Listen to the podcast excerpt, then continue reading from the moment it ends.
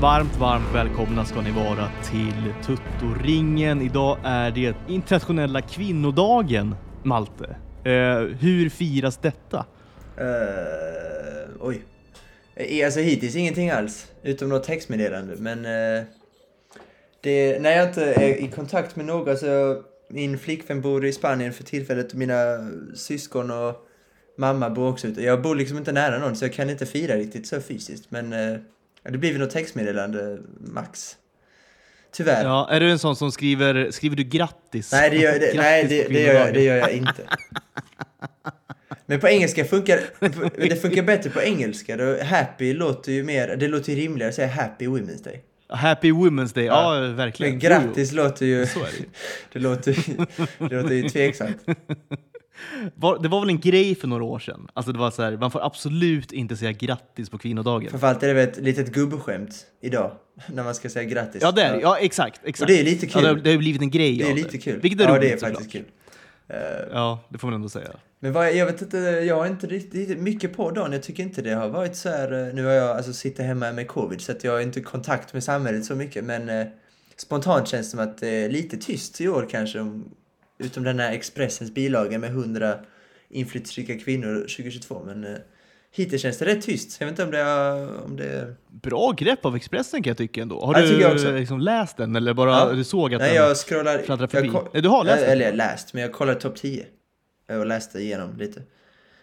Um, jag rim, Vem var nummer ett? Ja, men vi, det är lite kul för vi diskuterade henne mycket förra veckan. Johanna Nordström var nummer ett. Eh, Är det sant? Hon har haft, det är lite skillnad på i år och förra året. Magdalena Andersson var ju Sveriges första kvinnliga statsminister. Det är ändå en rimlig, rimlig Det är rimlig- etta. Det är rimlig, rimlig etta. Ja, det. Ja, det får man. Det lite svårare i år kanske. Men ett, alltså hon, har ändå, hon har haft ett, alltså Johanna hon har haft ett superår. Alltså hon har ju Sveriges Hon har största ruskigt år, ja. Alltså ja. Sveriges största podd som hon startade för typ några månader sedan. Eh, och Bäst i test såklart och eh, hon inspirerar ju såklart många unga tjejer och så. Så att eh, det känns eh, kanske inte jättekonstigt. Um, Sen var så här Greta Thunberg nia, Farah var femma. Sen var någon ukrainsk balettlärare tvåa så. så att, eh, ja men eh, det var, det var helt, helt okej. Det var liksom inget som jag re- reagerade på riktigt. Pia Salming var också högt upp. Ja, exakt. Jag såg hennes bild. Jag har inte läst bilagan, men jag såg liksom att de hade släppt den och jag såg några bilder då. Några, eh, på. Och jag såg då så Pia, Pia Salming. Eh, bra år kanske inte hon haft, men hon har ju liksom... eh, viktigt år kanske. Känns som att Jag liksom... hon, gjorde ett väldigt, hon gjorde ett väldigt bra intryck med alltså alla Börje-sammanhang när hon blev intervjuad så tyckte jag hon var väldigt eh, bra. Ja, Om man nu kan vara bra och- i en sån situation så tyckte jag hon gjorde det bra. Hon är också polis tydligen. Jaha! Det står att hon är polis. Eller det stod det i artikeln. Så att hon kanske också har gjort, hon har, det kanske också är någon anledning till att hon har fått den, eh, jag tror hon var sjua, åtta något sånt. Okej. Ja, men hon har ju ändå bedrivit någon sorts kamp nu också mot eh, ALS ju. Alltså fortsatt det liksom. Mm. Ja det är rimligt att hon är så högt uppe, såklart. Verkligen. Och sen, och sen eh, typ Ebba Andersson som nu är blivit så här eh, VM-drottning, hon var också så här högt upp. Så det var, det var sådana givna, så det var ändå, ändå en bra lista. Så här, Johanna Nordström person tycker jag, jag tycker inte hon är så här superbra. Jag, jag dock köper att hon är, att folk tycker om henne. Men med det Så året det hon har haft lite- också köper man ju att hon är liksom... ja exakt. Så det, I alla fall en ja, det är- topplacering såklart ska man ju ha. Så här, Alex och Sigge har varit störst i typ 10 år. Och hon har startat en podd för ett par månader sedan och blivit störst så här snabbt. Det är, det är imponerande. Säga vad man vill. Det är verkligen en bedrift. Ursäkta heter den ju podden. Eh, jag har ju, ja, den, det vart ju en, eh, eh, alltså en raket blev det verkligen när den startade. Borde nästan lyssna på den för att jag har ingen aning vad de pratar om. Jag tror Edvin Törnblom, han sitter med henne där. Alltså bisittare. Eh, ja, de har exakt, de har väl tillsammans, tillsammans tror jag. Ja, exakt. Ja, till och med så. Ehm, nästan så att man vill lyssna på den och se, det kanske är bra. Alltså ingen aning. Jag har ingen aning vad de pratar om. Nej, Ehm, jag har inte heller liksom provat den. Jag har hört att den är väldigt rolig. Liksom, sådär. Ehm, jag har mer tänkt att lyssna på den kanske med sig stu- alltså Jag tror verkligen inte att, att, ehm, att den liksom intressemässigt kommer fånga mig. Jag har väldigt svårt att tro. nej, Men däremot kan man lyssna på grejer också i typ så här studiesyfte. Eller typ i så här, vad ska man säga? också så här, För. Ja, men så här, stu- exakt, leta content, material. Ja. Nej, men också så här, studera samtiden lite grann. För jag kan tänka mig att de pratar om massa grejer. Nu låter jag extremt gubbig, jag är liksom ändå bara eh, liksom 30 plus, men ändå. Eh, jag tror my- mycket flyger liksom över huvudet på mig, har jag märkt. Jag hänger inte med liksom, på allting som händer längre. Det är deppigt såklart, men då kanske en sån podd ändå eh, liksom, kan, kan hjälpa till med det. Kanske. Jag, jag, jag vet inte. Men eh, som sagt, hon... Eh, rimlig etta. Det är det ju. Ehm, men eh, jag, säga- jag skulle säga det om... Eh, vi pratade om Janne förra veckan när han skulle kolla på Love Island. Lite. Vi skulle kunna i samma avsnitt, eller så här part två, skulle vi kunna ha när han lyssnar på Ursäkta på den. Som att det skulle kunna vara samma effekt. Du vet han går med sin hund, han går med sin hund Konrad ute på Lidingö. Så har han den i, har han den i öronen. Så man hör hans liksom reaktioner. Man hör han bara sucka till ibland och sådär. Exakt. Skakar på huvudet. Kockar på huvudet, ja. Blund, sluter ögonen. Ja, ja. det var ett kul. Det hade faktiskt varit kul. Alltså. Nog om det. Du är alltså fortfarande sjuk i covid. Alltså, mm, hur mår du? Så här. Du har haft ett tag nu. Ja, jag har suttit hemma och ja, jag har knappt varit ute. Jag har liksom varit ute och handlat. Eh, jag har liksom inte gått till universitetet eller något sånt för att det känns onödigt. Jag har bara suttit hemma och haft väldigt mycket tid. Alltså jag jobbar på min, eh, min tenta som ska inom två veckor. Men annars har jag ju, förutom det kan jag göra i princip vad jag vill. Så jag spelar massa tv-spel, kollar på massa skit. Och eh, inne mycket på Twitter. Eh, och eh, haft skitmycket beefs också Jag på har sista sett tiden. att du har blivit så här, du, när vi började den här podden var du inte jätteaktiv ändå på Twitter. Eh, Du anklagade mig för att inte vara så aktiv, men du var ju ännu mer inaktiv. var du ju. Men Ja. nu har du ju liksom Någon kommit retweet var igång. femte månad. ja, typ. Men nu har du verkligen kommit igång alltså. Ja. Het, hetsar mycket gör du också. Hetsar och är väldigt skarp. Vilket är kul. Ja, men, eh, ja, men jag har ju fått väldigt många fler följare nu efter eh, vi startade podden. Ja. Ehm, och, eh, och, men det, det har varit mycket mot djurgårdare nu också på sistone. Ehm, jag tycker att eh, deras Europaframgångar förra hösten eh, i samband med att jag fick fler följare också gjorde att eh, jag tyckte att jag, någon behövde sätta ner dem på jorden för att det var framförallt några, jag ska inte nämna namn. Men eh, Nej, det var, eh, vi är världens bästa, vi är överlägset bästa i Sverige, vi är bästa Europaäventyr någonsin och jag kände att eh, det här är det sjukaste jag läst, typ. Ehm, Eh, de har precis slagit Shamrock Rovers hemma med 2-0 och eh, ser att det är bättre än IFK Göteborgs Europa League-seger eller Malmös Champions League-final 79.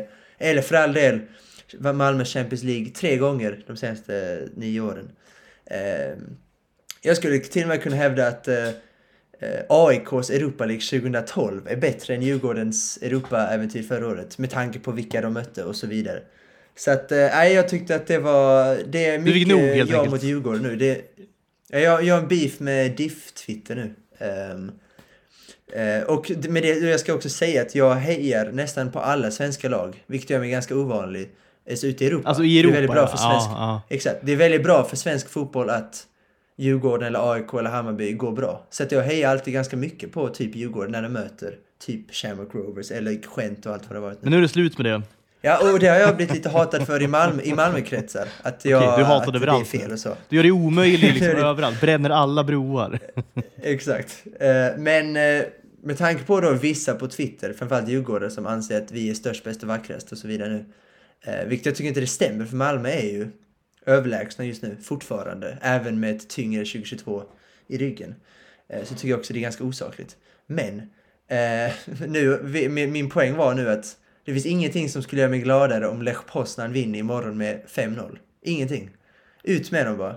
Eh, med- Helst med liksom huvudet först. Eh, Jag orkar inte med längre. Jag, jag tror jag har blivit blockad av två, tre stycken. eh, Såklart, såklart blonda mittbenor. Eh, som det alltid är. Eh, mittbena IF. Jag skrev till dig några namn igår. Som eh, min kompis har eh, hjälpt mig med. Ja, Eh, var mittbena IF, ehm, diff, eh, Fitz, Diff, ehm, Brillo FC. Ja, det finns ju många sådana roliga man kan eh, ha att göra med. m- mer eller mindre bra kanske. Träffsäkra. Men absolut. Ja, Absolut. ja, absolut. Men eh, poängen var nu att på måndag, eller på söndag, det eh, byttes igår kväll tror jag, så är det ju Toto-derby. Vilket är första gången tror jag sen vi startade. Tuttoringen-derby är det ju. Ja, Vi har ju, alltså det, det egentliga, det, liksom det egentliga Tutto-derbyt, det är ju liksom. Det är liksom eh, Ja, just det. Roma- såklart Fiorentina. Roma-Fiorentina är ju liksom Tutto-derbyt eh, med stort T. Liksom. Vi får väl ha det lite mindre då, Tutto-ringen-derbyt. Eh, Vilket Djurgården också är kanske rimligt med tanke på Serie, Serie A mot Allsvenskan. Det är samma. Det kanske är det. Toto Balotto är Serie A och vi är eh, Allsvenskan. Ja, fel. exakt. Vi är Vi har sagt att Allsvenskan är ju finast ju. Att, Vi kanske säger division 2 norra eller någonting. Eller södra Kanske då det. kanske snarare. Det, det du behöver göra är det jag insåg för kanske fyra år sedan. Det är att det är alltså supporter-twitter, alltså du vet allsven, alltså svensk, svensk supporter-twitter är ju bara ett mörkt hål bara. Alltså det är en avgrund som man eh, Jo, egentligen ska hålla sig långt borta ifrån tror jag. För att det, det är liksom det, när jag tog det beslutet ökade mitt välbefinnande med kanske tusen procent på något vis. Men jag tycker ändå att många fans har ganska vettiga. Jag tycker Malmö, det kan jag är kanske lite part i målet, men MFF-Twitter tycker jag ändå är helt okej. Jag tycker också att AIK-Twitter är helt okej. Med tanke på ändå hur, stora, hur stor klubb det faktiskt är. Hammarby-Twitter är väl lite märklig kanske när eh, spelare blir ikoner efter 16 matcher i, i, i klubben och så. Ehm, och samma med IFK Göteborg tror också det är en rimlig så. Men jag tycker det är just med Djurgården, alltså självbilden. Det är ju det, det, är det jag blir ju, det är samma i samhället också. Folk eller grupper, när de har alltså själv, helt skev självbild, då blir jag...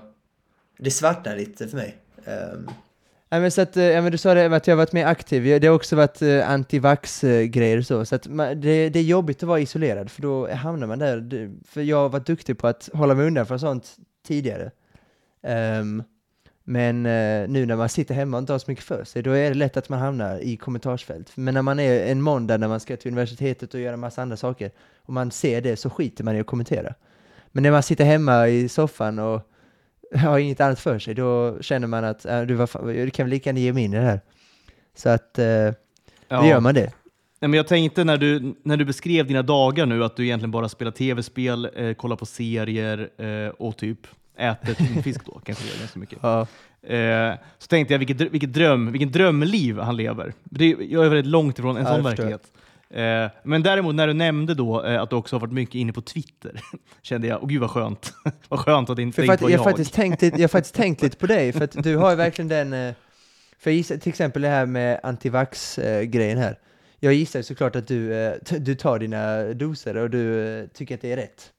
Tre stycken men- har jag tagit Ja, till och med det. och jag klarar mig ganska bra. Ja. Men du hade ju aldrig gett in i en sån diskussion, för du har, den, du har det liksom lugnet i dig, den här obryddheten i dig, att du bryr dig liksom inte om att Jo men det fanns en tid, troll. eh, alltså, jag tänk, men jag tror också jag var sån, alltså typ i din ålder. Då var jag mycket mer liksom, hetsig och eh, alltså, på grejer. Liksom. Jag, tror, jag vet inte om det kommer med åldern. Och det är liksom, också en deppig liksom, eh, verklighet. Eh, Jo, någonstans. fast jag- att jag man, tycker- man blir liksom så här mellow och bara, man, man bara blir liksom förnöjd med allting. Liksom. Skit, liksom, bryr sig inte längre. Det är inte jag heller tror- bra på ett sätt. Nej, men jag tror heller inte att det är en åldersgrej. Jag tror bara, du har den personligheten, att, alltså tillbakadragen, så här, lite skiter i.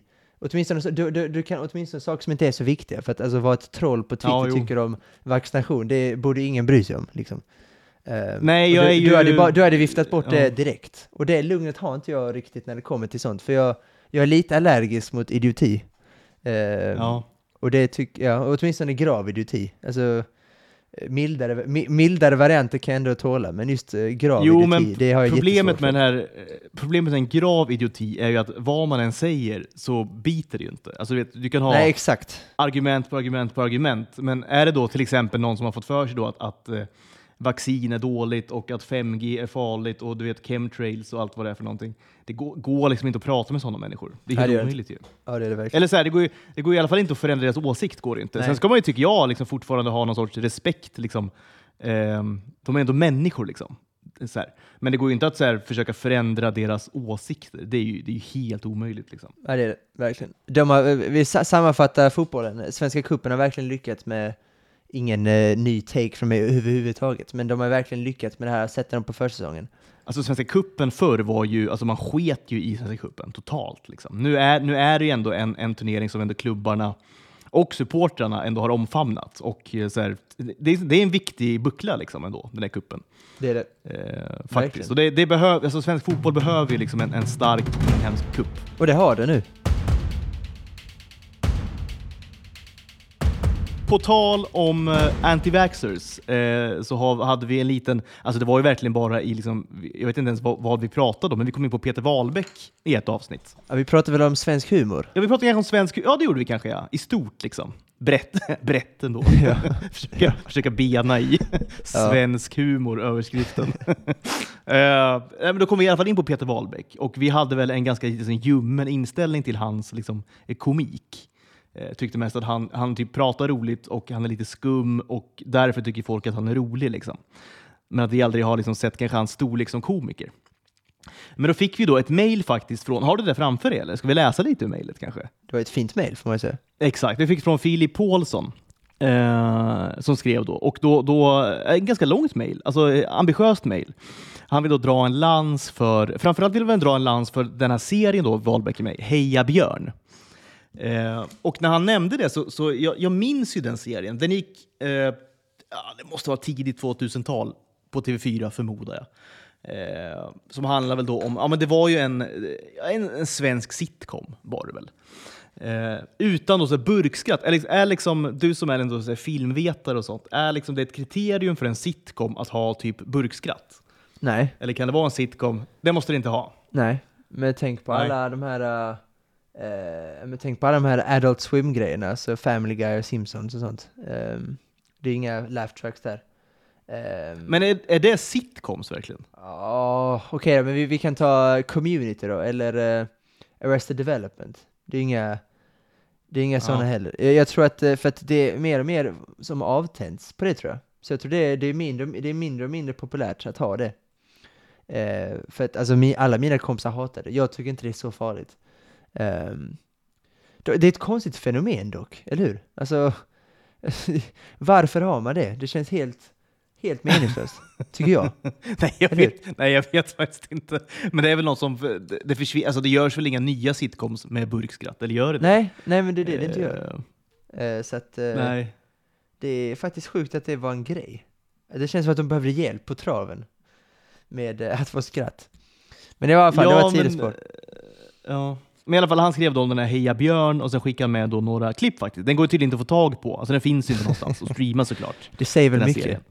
Ja, det säger väl allt egentligen. Eh, men vi såg några klipp och eh, ja, jag vet inte. Jag minns ju faktiskt, som sagt då, jag minns när den här gick. Eh, jag kan, vad kan jag ha varit? Inte vet jag, 13 bast kanske? 14 eller vad det kan vara för någonting. Eh, så jag, jag minns att jag såg den, men jag minns liksom inte att jag tyckte den var så himla rolig då. Nej. Och eh, jag vet inte. Ehm, jag kan tänka mig att den är, alltså, så man, man såg ju för lite tror jag. Vi hade behövt se mer för att kunna komma med en sån här, ja. eh, liksom, eh, en bra liksom, recension på det. Men jag kollade på typ IMDB och sånt, hade ändå ganska bra betyg där. Typ 7 Va? Va? 7,3 eller någonting Är det sant? på IMDB. Ja, ja. Vart förvånad faktiskt. Eh, Ehm. alltså, men så här, alltså jag, jag ser, alltså här, jag, jag var inte jätteimponerad, jag ska vara helt ärlig. Jag tyckte att framförallt Peter Wahlberg, alltså så här, jag tycker att Peter Wahlbergs karaktär, han hade ju någonting. Alltså karaktären. Så jag vet inte om han kanske säljer den så här superbra, tycker jag. Um, men jag tycker så här att det fanns vissa idéer där som verkligen påminner om en sån här galen sitcom. Uh, som inte riktigt Solsidan är på det sättet, även om Solsidan är ju bättre. Uh, men det här med att, typ, att han skulle plötsligt börja baka. Eh, det, det var något han skulle baka där. Det var lite roligt tyckte jag. Ja, det tyckte jag också. scenen. Det var ju det, Lite rolig var det. det, var ju det Ja. överlägset bästa klippet. De andra två var ju eh, inte så Mm. speciellt roliga. Men, ehm, men det påminner lite om typ men det påminner lite om så här, typ It's Always Sunny, eller hur? Alltså du vet när de plötsligt bara, något avsnitt gör de något konstigt, sen skulle de dricka massa öl i ett avsnitt där. Så att alltså, Exakt. Det är bra Kerstin! ja exakt. Ja, exakt. så det, så att det, det, fa- det fanns Super ner grannen då. Ja. Men så här, Gammal jag- kärring. Ja, jag kul vet- ändå. Lite kul. vet, ja men lite kul. Så att det påminner mig ändå lite om så här, ja men eh, amerikanska så här sitcoms. Eh, typ It's Always Sunny. Och det gör mig ingenting. Och så här, jag har sagt så här tusen gånger, men för min poäng är att det kanske är ändå det kanske inte är en så dålig sitcom. Alltså om man jämför med det, alltså det andra som finns. Så jag vet, inte, jag vet inte vad han jämför med, om han tycker att det är genuint en skitbra Hello? sitcom. Vänta en sekund. Hello, hello, how are you? It's almost done I think. Just, you know, small things. And all, alltså, i- small things. I can have a look around. Yeah, yeah, sure, sure, no problem. På tal om Konrad, en annan Konrad som kommer nu som håller på med eh, lägenheten vi ska flytta in i. Eh, är ju en del grejer kvar va? Vi kommer ner hit i november. Då skulle den vara klar. Fortfarande inte klar. Ändå, ändå, fan, ändå otroligt att du körde asso på, alltså när du pratar engelska. Det är Ja, fantastiskt. jag, jag, jag hörde själv att jag, äh, men det, det är som att jag, jag har alltid tänkt att jag är gan, så ganska bra på engelska ändå. Alltså det är den självbilden man har, typ som svensk också. Men du vet, när jag hör mig själv faktiskt prata engelska, alltså det är som att jag är liksom en, en, eh, ett pucko. Alltså du vet, jag kan liksom inte prata överhuvudtaget. Liksom. Ja, men det är älskvärt. Det här med asso, som det, det, det är väldigt vanligt. Att ha, nej men alltså, yeah sure. Men Den kör du. Man använder så sjuka så här, eh, men sådana ord, ja, men liksom, ass och Ja, alltså, vet, sådana, sådana uh, utfyllnadsord hela tiden i svenska när man pratar. Och man har ju inte dem liksom, på engelskan. Men man vill ändå säga de här mellanorden, liksom, utfyllnadsorden, men Ja. eh, då, då blir det på svenska istället. Man måste låta som en det. komplett, komplett, komplett, eh, komplett idiot då, förmodligen. Ja men, eh, ja, men mer, mer älskvärt, tycker jag. Det är, jag, jag- man föredrar ju det här än eh, så här, eh, folk som kör amerikansk-svenskan. Det, det är ju fruktansvärt, alltså Exakt. faktiskt. Då älskar man mer de här alltså, det här Morgan, du vet de här Morgan och Ulla-Conny Ja. på Ullared som hade programmet. Eh, ja, när han körde sin eh, exakt. scour, scour cream. Det ju. Scouron. Scouron. Ja, det är så bra. Det är kan så bra. inte säga sour cream. det är- det är det bästa Ullared har gjort. Den, just den Ja, scenen är det bästa som har liksom gjorts i hela den eh, franchisen. Scouron. Scour, ja. Scourarna. Vad sa du nu? Scour cream. Sour cream. Ja. Scour cream. Scour cream är en ny sort som jag... Sour cream. Scourarna. Här är scourcremen. Vill du ha scourcrem? Scourarna. Scouron. Eller när Ulla-Conny ska beställa in någon eh, öl på, eh, de, sitter, jag vet, inte, de, skulle, de hade väl något reseprogram sen också som inte blev så här ja, superbra de kanske. reste runt. Ja. Ah, helt sjukt alltså. Det är ändå Där bra har vi TV. två gubbar som är fruktansvärt dåliga på engelska. Alltså. Där ligger ju till och med, liksom, jag ligger till och med i läder. Det gör Alltså, du vet, verkligen. De kan ju inte uttrycka sig, alltså, de kan ju liksom inte engelska. Nej. Men fan det är också bra TV, de två. Det är, bättre, det är bättre att låta dem resa än att låta dem vara liksom inne på Ullared. Så det är också helt okej, men alltså... alltså det, jo, det, men det är ju bra för dem. Alltså, de hade ju aldrig tagit sig ut i världen annars tror jag. Nej. På egen maskin så att säga. Eller för egen maskin. Alltså, det De är hade inte hittat ut. De hade inte hittat till, eh, de hade liksom inte löst flygbiljetter. De hade inte Morgan löst det logistiska. Nej, nej, exakt. Och Morgan är såklart mega bekväm och mega nöjd med att bo i, eh, ja, bo där då i Ullared och jobba på Ja. GKs. Ja. Eh, resten av sitt liv. Inga konstigheter såklart. Nej, inga Så det, jag tror det är bra för han att han ändå fått se lite av världen också. Ändå. Det tror jag. Det tror jag. Sen tror inte jag han har liksom tagit med sig en enda lärdom från det. Ja, möjligtvis hur man uttalar då sour cream, onion chipsen, men eh, tror han, tror han kan, han kan tror inte det heller tror jag. Helt omöjligt att lära sig. nej, det är helt omöjligt. Eh, men vi var inne på sitcoms och det här eh, mejlet. Heja Björn. Ja, men, ja, exakt. Och jag tror att du nämnde då att, att de ändå gör någon sorts... Eh, nej, men ibland gör ju sitcoms en anspelning till att vara typ en amerikansk sitcom. Och det är ju det som någonstans är liksom, det är ändå rättesnöret. Alltså Seinfeld eller Frasier eller eh, Friends liksom. Det, det är ju det, är det bästa som finns såklart. Ja. Eh, men, men, men en svensk sitcom har ju aldrig kommit i närheten. Liksom. Det har aldrig varit ens nära. Sen har det gjorts några, några, några så här ändå, minst, har du sett så här Care of Segemyhr med Johan. Ulveson? Nej. Och Lennart Jäkel och eh, vad hon heter. Återigen, det här med namn alltså. Men det är också Är det- en, en liksom 90-tals sitcom i kanske, inte vet jag, fyra, fem säsonger kanske. Nej. Som också gick på fyran. Eh, men det hade liksom no- några ändå liknande drag tycker jag med, med den här Heja Björn. För att det är ju samma liksom, manusförfattare. Det är ju Fredrik Granberg och Erik Haag som skrev Aha. Karl Segemyhr. Och, så att jag tror ändå de har gjort en, ändå en, en liksom seriös ansats till att ändå så närma sig liksom, eh, ja, men det amerikanska. Alltså gjort ett, ett seriöst försök liksom ändå på, till, en, liksom, till en bra genomarbetad svensk sitcom med liksom bra fok alltså fokus på bra manus. Det borde inte vara Ja. så svårt. Alltså, det nej, borde... alltså, jag förstår vad, inte. nej, men, nej, och är, vad- varför kan liksom aldrig... För jag, jag liksom ba- bara tänkte för mig själv lite innan avsnittet här. Liksom, vilka svenska sitcoms har vi som liksom har någonsin har blivit lyckade? Liksom? Solsidan. Det är det enda jag kom på. Ja, det, ja men Eh, typ. Eller? Eh, de jag första tycker Svensson, Sven, Svensson Svensson är Ja. himla kul tycker jag. Ja, jo det är det ju absolut. det är ju roligt. Men, det blir väl också- Rena rama Rolf. Alltså du vet så här. Ja. Det- Ja, men rederi, alltså det är det är ju- på den nivån, det är rederiet, alltså det är inte bra liksom. Nej, det, det, nej, det når liksom aldrig ända. Det blir, det blir ju pajigt liksom. Och jag vet inte, det blir liksom töntigt. Men jag såg också när jag, när jag googlade lite på det här, bara typ svensk sitcom, fick jag fram en gammal artikel från eh, Fredrik Wikingsson som jag tycker var väldigt rolig. När han jobbade på, eh, på Aftonbladet. Alltså, eh, Från 2003. Oj. Jag tyckte det var så himla roligt för att när jag läste texten, alltså du vet, han har inte ändrat sig någonting. Alltså det är som att, det är som att eh, det var lyssna på ett poddavsnitt och läsa den där Ja. texten. Alltså man, man hör hans röst i sitt huvud. Och du vet, alla uttryck han fortfarande använder, använder han ju redan då. Liksom. Ja. Ja, Det är så himla kul. Alltså det var som ett tidsdokument liksom, över Fredrik Wikingsson. Ja. Innan han var, liksom, ja, han, var, han har ju börjat då såklart, bli ganska stor och sådär. Men eh, det var ändå roligt att läsa, men hans förklaring i alla fall. För han var också inne på det där, varför liksom, kan inte svensk sitcom, liksom, varför lyckas inte svensk sitcom? Och, och han kom fram till att för, det är liksom, jag vet inte hur han formulerar, men liksom, det var lite för ofarligt. Alltså du vet, så här, det, det, det är liksom program som ens farmor typ tittar på också.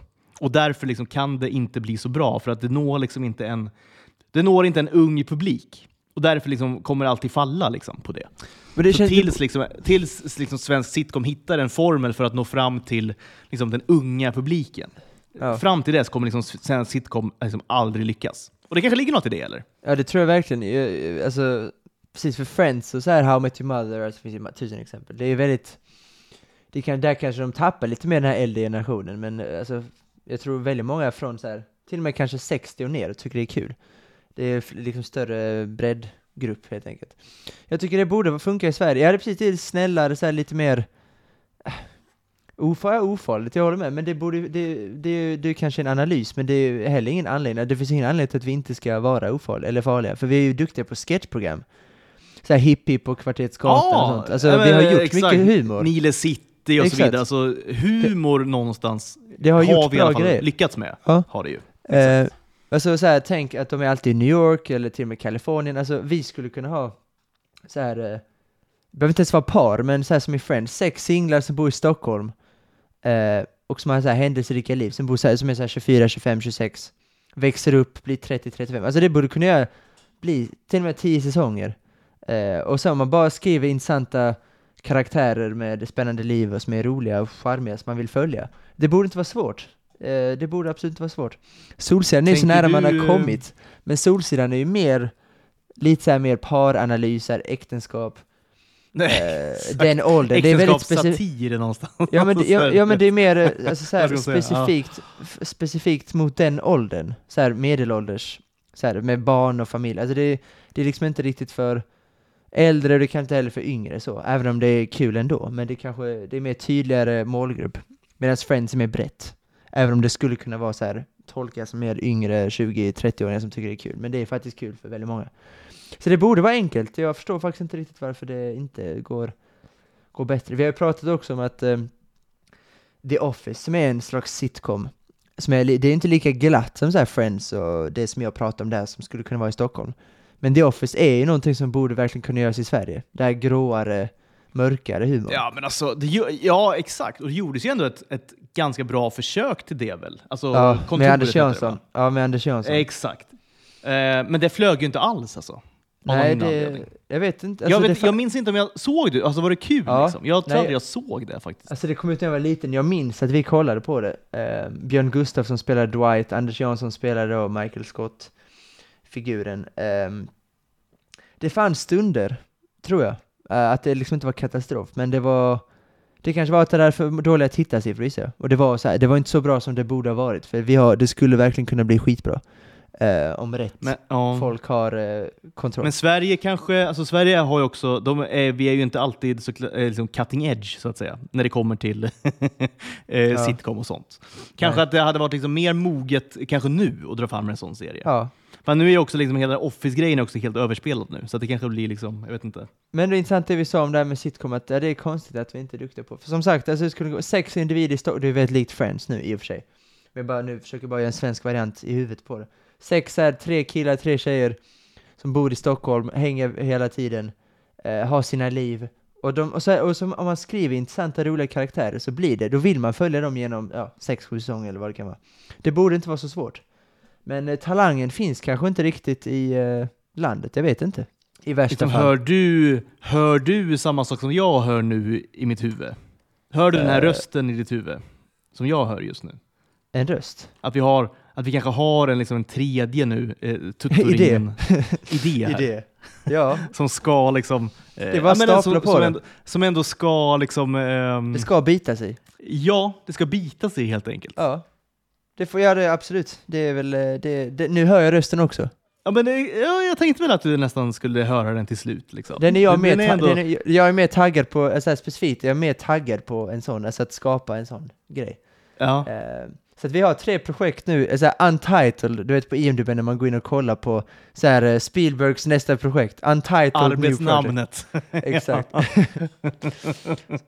nu har vi tre projekt här. Nu har vi ändå tre projekt. Eh, men och jag är inne på samma sak som du säger. Alltså, så här, hur himla svårt kan det vara liksom? Egentligen. Vi får väl se, det kanske är svårt. inte. Det Det kanske kanske är den slutsatsen vi kommer. men, Ja, eh, exakt. Men, men vi ska i alla fall ta reda på hur svårt det är, tror jag. Ja, det tycker jag också.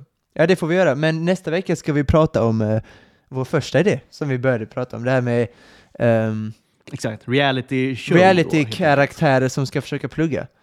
Eh, det är vår första, och det ska vi diskutera lite nästa vecka. Jag har liksom, eh, jag tänkte vi skulle prata om det idag, men vi väntar med det till nästa vecka då, så du också hinner med lite idéer. För jag har är väl lite draft då, ett litet arbetsnamn och, och lite sådär. Ja, men en del vi medverkande och sådär. Så det, det blir ju vi svinkul då Ja, det eh, det att prata om helt enkelt.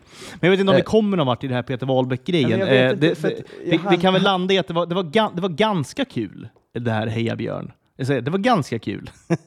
Men eh, kanske Jag inte såg- mästerverk. Vi såg potential, eller jag såg potential eh, i att idéerna var inte så dåliga. Så jag vet inte om utförandet var så här superbra. Så här, det, typ det här att de ska dricka massa öl, att de ska vara så få personer som möjligt och så vidare.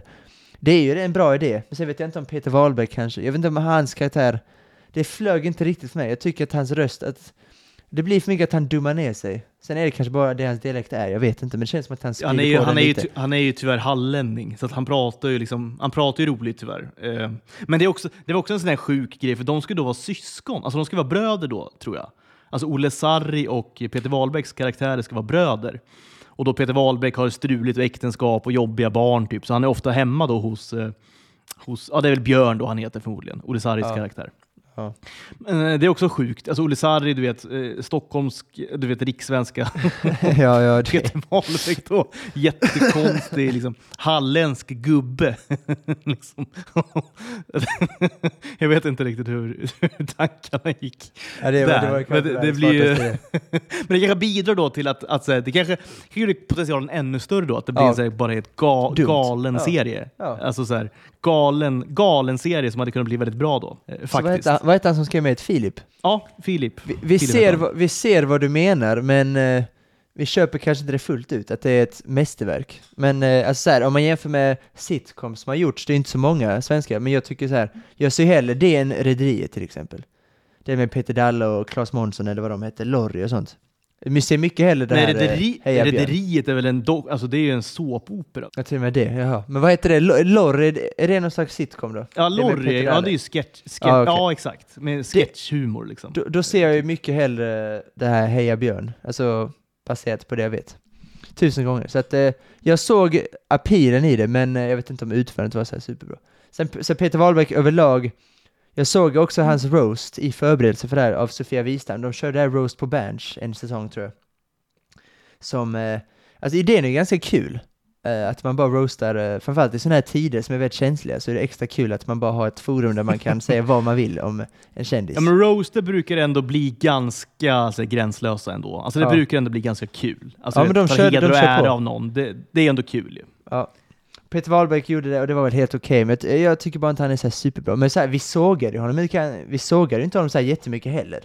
Så vi behöver inte pudla med att, eh, så här, att vi ångrar oss, utan vi bara tycker han inte är superbra. Men han är heller Nej, men jag inte tror superdålig. våran, eh, nej men exakt, nej nej, jag tror våran liksom, så, grundtanke kring Peter Wahlbeck ändå eh, alltså, fortfarande håller. Att så här, eh, han pratar roligt och han är skum, eh, och därför är han lite rolig. Men han, han är inte superrolig liksom. Det, Nej. det är väl typ så kanske, Ja. jag vet inte. Ja. Och där slutar vi med Peter Wahlbeck. Ska det, vi, vi, vi, får nästan ha, vi får nästan ha Wahlbeck i utvisningsbåset. Så här mycket har nog ingen pratat om Peter Wahlbeck i någon podd någonsin, känns som. jag Möjligtvis Filip och. Fredrik, för de pratar rätt mycket om Peter Wahlbeck ibland. Det kanske de, Eh. ja, men han är ju en så här, alltså som person är han ju intressant. Ja, det alltså, eh, det måste man ändå säga. Han har ju Han mycket satt- grejer för Ja. sig. Liksom. Ja, det har han verkligen. Han satt i Skavlan med Erik Hamrén också. Uh, när Erik Hamrén gjorde sin debut i svensk TV. Eh, Ja. så att, eh, och då gjorde han ändå några minnesvärda saker. Han sågade Bernt Lagerbäck och tyckte han såg ut som en säck potatis eller något sånt. vad Han sa. Eller han sa inte det yt, ytterst, men han jämförde ju Hamréns kostym då med det, föregå, det föregående som var lite slappare. Så att, eh, jag vet inte, men eh, vi får lämna Wahlbeck för han är väl, det, det var det helt enkelt med honom. Ja, det var det. det, Ja, var det var det.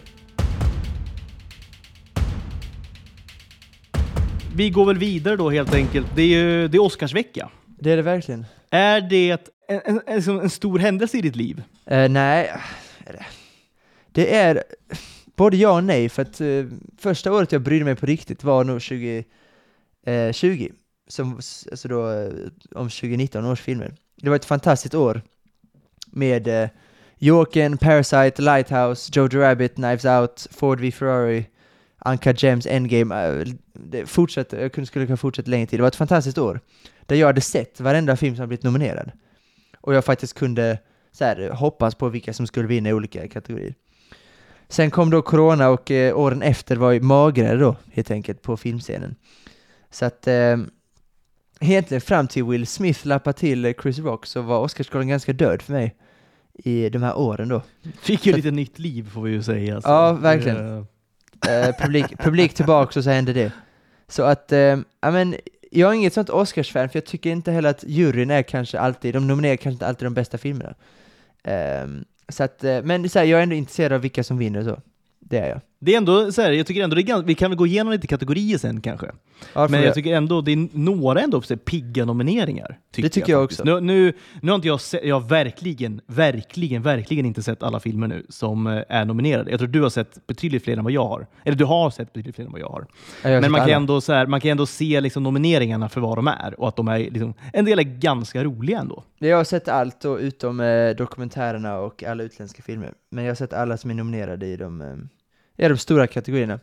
Eh, så jag ska, jag ska börja med att dra min topp 10-lista, den som jag har tjatat om så länge nu. Uff, ja, ja, ja. och sen, ja, kom är- vi in då, sen kom vi in då, sen kom vi in på att diskutera kategorierna. Jag kör rätt på där. Ja, men alltså gasa. Eh, för jag börjar med att säga att det är ganska många filmer som jag tycker om, som inte är ens är med på min honorable mentions. Så det, det har varit ett ganska bra år. Bra Eh, filmår. får man säga. Ja. Ja men såhär, Glass Onion är inte med på min honorable mentions. Elvis är inte med på min honorable mentions. Såhär Oscarsfilmer som Aftersun, Tar, Triangle of Sadness. Eh, de är inte heller med. Barbarian, skräckfilm. Så det är ganska många filmer som jag tyckte om genuint, som inte är med. Eh, vilket är lite såhär, så det har varit ett bra år. Men då börjar vi med då med honorable mentions. Puss in Boots, The Last Wish. Mm. Eh, en av de bästa, alltså animerade filmerna som jag har sett någon gång. Fantastiskt. Och en väldigt bra villain, kanske den bästa sen Tai Lung från Kung Fu Panda. Alltså Dreamworks villain då. Eh, Ja. Alltså Dreamworks the villains då. Eh, så att det, var... Ja, eh, eh, vet, eh, exakt. eh, Inte, inte uh, all time. Nej, inte all time. Och sen då... Det hade varit en eh, åsikt dock. det hade verkligen varit. eh, sen är tre skräckfilmer. The Black Phone med Ethan Hawke, Scott Derrickson. Eh, nope, Jordan Peels nya. The Menu, väldigt fräsch eh, restaurangskräckfilm med Ray Fiennes. Ehm, sen Roald Dahls Matilda the Musical. Och 13 Lives med Ron Howards nya film. Som jag, anledningen till att jag tog med den är för att jag tycker ingen snackar om den. Trots att det är en Ron Howard-film med så här Colin Farrell, Viggo Mortensen och Joel Edgerton. Ehm, Oj. Men det var Ehm. länge sedan liksom Ron Howard kanske var alltså, omtalad. det är sant. Det är Eh, sant. Han har gjort väldigt mycket svagt på sistone. Ja. Eh, det var länge sedan han gjorde något Han hade ju en ruskig heyday för kanske 10-15 år sedan. Ju. Och såklart ännu längre tillbaka. Han har ju, han har ju alltid varit det. Liksom. Men, eh, Exakt. Han, han pikade väl lite där med Beautiful Mind och Apollo 13 Mm. och sånt. Ehm, så att, ehm, men sen gjorde han den här Rush eh, från 2013 med Chris Hemsworth och Niki Lauda, Daniel Bryl. Men efter det har det varit svårt för honom. Han gjorde ju Solo-filmen som inte jag tyckte i och för sig om ändå ganska mycket Rush. Så att eh, kul att han är tillbaka och sen, eh, det handlar om de här thailändska killarna som är fastare i den här eh, grottan. Ja, att- just och det, det. var, det var också en ganska ny nyhet som jag minns, sommaren 18 där. Eh, därför kändes det extra fräscht, att, eh, för oftast är det ju saker som inte jag alls mindes, för eftersom att jag var för ung. Så det var också kul att eh, se det. Så därför var jag den med, och det finns många anledningar till att ta med mig. Roald Dahls Matilda, musikalen och sånt. Lite mer alternativa eh, honorable mentions. Men nu direkt på topp 10-listan här. Eh, nummer 10 då, The Northman. Ah. Robert Eggers vi vikingadrama får man säga, med Alexander Skarsgård och Willem Dafoe och eh, Nicole Kidman med flera. Det är ett klassiskt, väldigt enkelt revanschdrama helt enkelt. Där Alexander Skarsgård står, eh, nu minns jag inte exakt om det var fru, jo det var fru, eller eh, partner eller familj eller vad det var, som blir helt mördade och då vill han helt enkelt ha, ta revansch. Så det är en tydlig historia, såklart fantastisk, e-, episk så här, vikingaberättelse. Ehm, och Robert Eggers är ju ett, ja skräck är det inte riktigt. Det här, han håller på med skräck i vanliga fall med. Lighthouse Men och The det, Witch. man, man, man ser ändå tendenser på något. Alltså så här, man ser hans tendenser gör man ju. Alltså så här, skräcktendenserna och sådär. Eh, lite förvånad ändå att den kom in på en topp 10. Det tyckte jag var eh, kul ändå. Den letar sig. Ja, eh, men eh, jag tyckte att sådana episka vikingar, eller inte bara vikingar, men episka sådana man historiska är ju svag. timepieces. Exakt. Det man är är man ju svag för det, fruktansvärt svag för det görs alltså. inte så mycket längre. Det görs inte så mycket längre. Nej, och det som görs det blir ofta bra inte så är man extra sugen. heller inte så bra heller på något vis. Alltså, det är, man, det är svårt att hitta rätt. Eh, förresten, jag får glömma fråga. Hade du sett några av de eh, honorable mentions jag sa? Eh, jag har glömt vilka du sa. Vad sa du för något? Okej, inte men du, du har sett Glass, du, Glass Onion hade Ja, du exakt, sett? ja, det, det, var, det var inte ens en honorable mention, men jag nämnde det. Ja, precis. Eh, The Northman, det lät, för det lät som du har sett The Northman. Nej, men jag tyckte också det var... Nej, men, eh, gillade också den, faktiskt. Um, jättemycket, Väldigt välspelad, episk, bra pacad och så, som sagt, tydlig historia.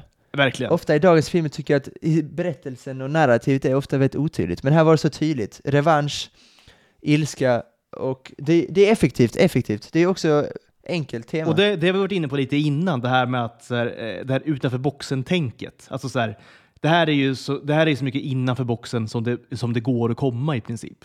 Alltså det, det är ju ett, det är världens äldsta liksom, drama, liksom, dramagrepp. Alltså hämnd och så vidare.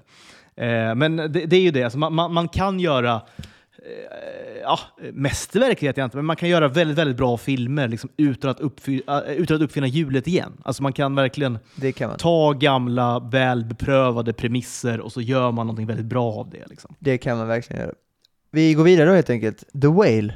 Ah, Eh, den hittade! med den hittade den- in till slut. Den hittade in, jag var lite osäker men det gjorde faktiskt det. Brendan Fraser, alltså skådespelet är ju fantastiskt.